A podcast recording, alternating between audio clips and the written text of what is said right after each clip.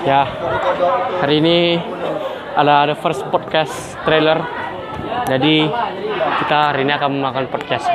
oke Oke, ya.